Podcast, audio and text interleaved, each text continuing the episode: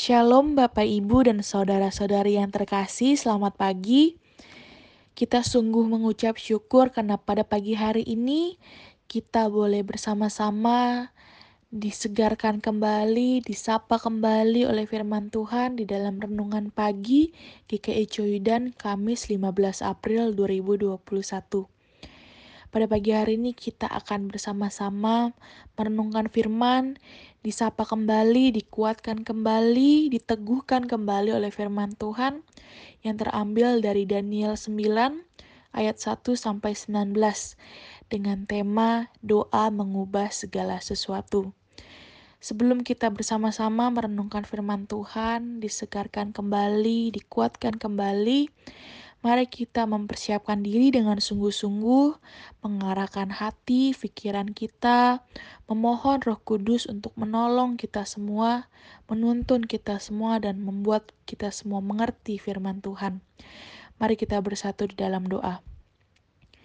Allah Bapa kami yang kasih setia dan anugerahnya melingkupi kami hingga saat ini, kami sungguh mengucap syukur jikalau Tuhan masih memberikan kami pagi hari yang indah ini, di mana kami boleh bangun tetap dalam keadaan dan di bawah naungan kasih setia penyertaan Tuhan. Kami mengucap syukur jikalau kami boleh bersama-sama disapa kembali, disegarkan kembali oleh firman-Mu, diteguhkan, dikuatkan kembali oleh firman-Mu dalam langkah kehidupan kami, Biarlah kiranya roh kudusmu boleh hadir di hati, pikiran, dan seluruh langkah kehidupan kami, sehingga engkau sajalah yang boleh menuntun kami, menolong kami. Inilah kami ya Tuhan, kami siap untuk mendengarkan, merenungkan, dan juga melakukan firman-Mu dalam kehidupan kami. Hanya di dalam nama Tuhan kami, Yesus Kristus, kami berdoa dan mengucap syukur. Amin. Bapak Ibu yang terkasih, saya akan membacakan Daniel 9 ayat ke-4b untuk kita semua. Allah yang maha besar dan dahsyat, yang memegang perjanjian dan kasih setia terhadap mereka yang mengasihi engkau, serta berpegang pada perintahmu.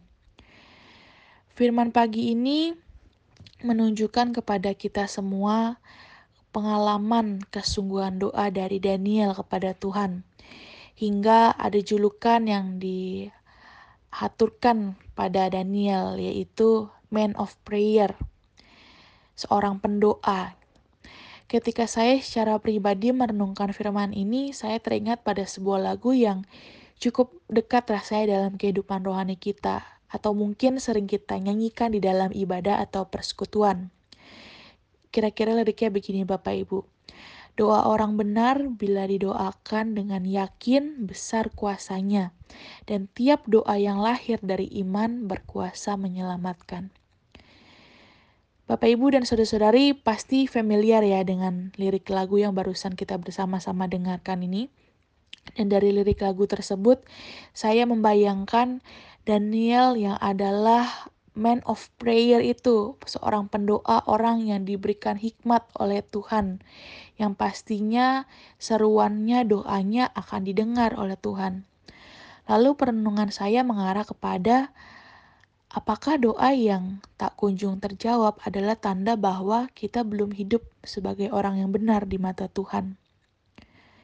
Namun sungguh Bapak Ibu dan Saudari, Allah mengajar kita dengan berbagai macam cara dan bentuk.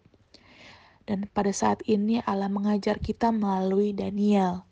Daniel yang adalah orang benar dan berhikmat itu memulai kisah di dalam perikop ini dengan sebuah refleksi hidupnya terhadap apa yang ada di dalam kumpulan kitab pengendapan nubuat Nabi Yeremia serta doa yang berisikan pengakuan dan permohonan. Doa yang dipanjatkan Daniel ini dikatakan mirip dengan bentuk doa tradisional pada waktu itu bercorak liturgis dengan melihat persiapan yang Daniel lakukan seperti berpuasa, mengenakan kain kabung, dan juga abu. Kalau kita melihat di ayat yang ketiga.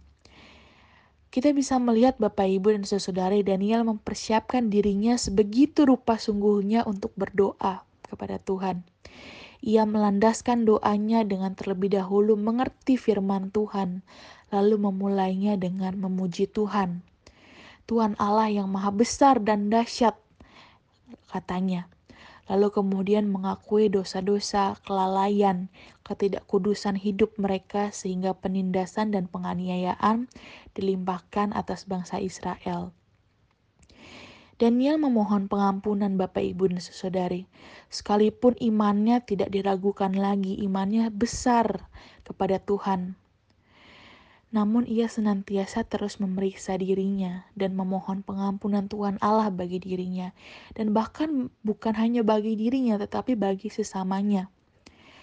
Hati Daniel menghidupi hati Kristus yang sungguh-sungguh memperhatikan jiwa-jiwa yang terhilang. Bahkan kita bisa melihat ia memohon ampun atas dosa-dosa sesamanya yang tidak diperbuatnya. Lalu di akhir doanya, Daniel menyatakan bahwa ini semua hanyalah untuk kemuliaan nama Tuhan. Bahwa hanya karena anugerah dan belas kasih Allah saja manusia diselamatkan.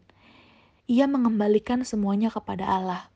Karena ia yakin bahwa apa yang difirmankan Allah adalah benar dan pasti terjadi Daniel percaya bahwa Allah tidak akan pernah ingkar janji dan apa yang akan menjadi jawaban atas doa-doa dan penantiannya itu adalah yang terbaik yang sudah Allah rancangkan untuk kehidupan umatnya.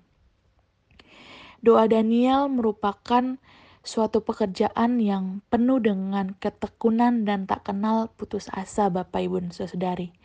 Bayangkan dalam penantian 68 tahun, hampir 70 tahun dikatakan di Alkitab.